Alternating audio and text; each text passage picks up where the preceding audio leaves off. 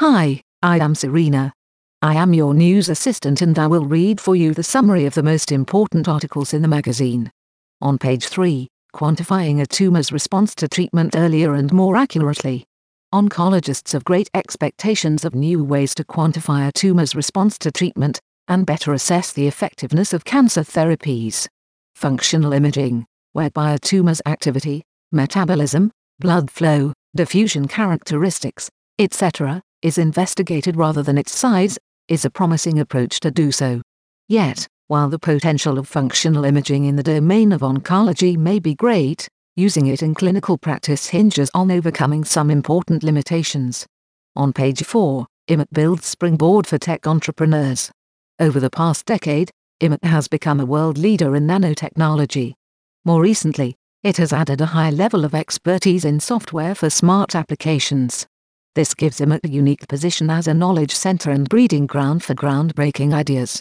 That's why we have decided to bundle our existing initiatives and to strengthen our financial support for tech startups, says Roger Lemmens, responsible for digital incubation and innovation at IMEC. With the IMEC istart and IMEC Expand funds that we are establishing, we will be able to offer ambitious technology startups a springboard that will enable them to make the breakthroughs they are looking for, also internationally. On page 5, future wearables will actively improve health and lifestyle.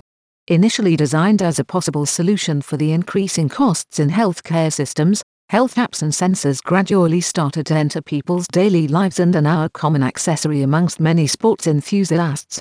Chris Van Hoof, Program Director Wearable Healthcare and AMP, Fellow at Holst Center IMEC, talks about the reality of these devices in today's society and explains his vision for their future. On page 6, a game of Go. It looks like a Go board game after a fight between the two players, but in actual fact, this is part of a solar cell. When you make silicon solar cells thinner and thinner, because they are cheaper that way, you get the problem that the light passes through them too quickly. Which is not good, because the solar cell doesn't have enough time to convert the light into electricity.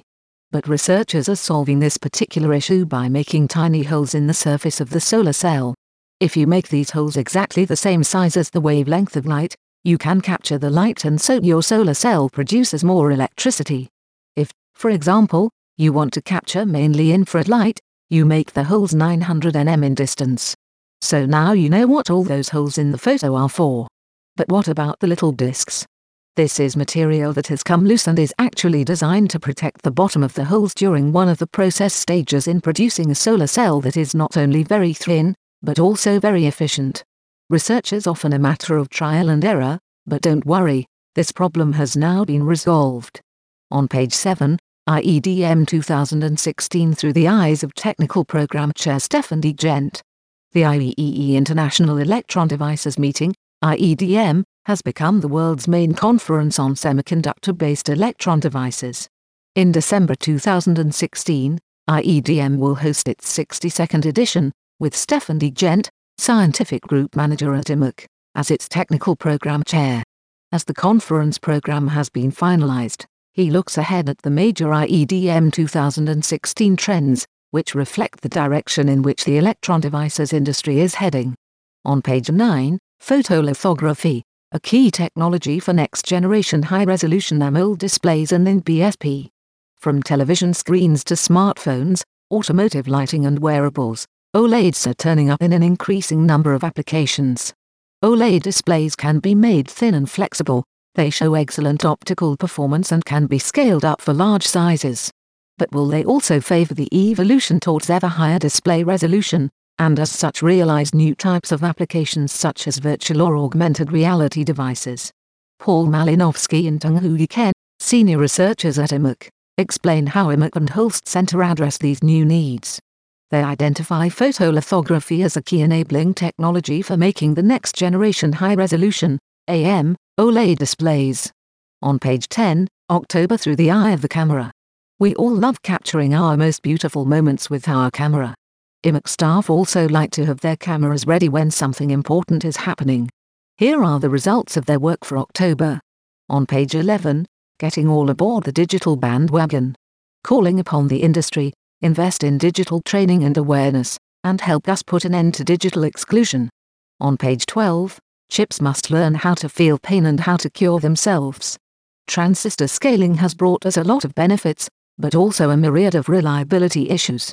To extend the scaling path as far as possible, system architects and technologists have to work together. They have to find solutions, for example at system level, to realize self-healing chips, chips that can detect or feel where errors occur and that know how to deal with them or in a way cure them. Only then will it be feasible to design systems in technologies with transistors scaled down to 5 nm dimensions. Two specialists in the field explain how to make such self-healing chips, system architect Francky Catthoor and technologist Guido Groeseneken. On page 13, Epilog improves diagnosis of epilepsy using automated EEG analysis. For the complete articles, read the publication of today.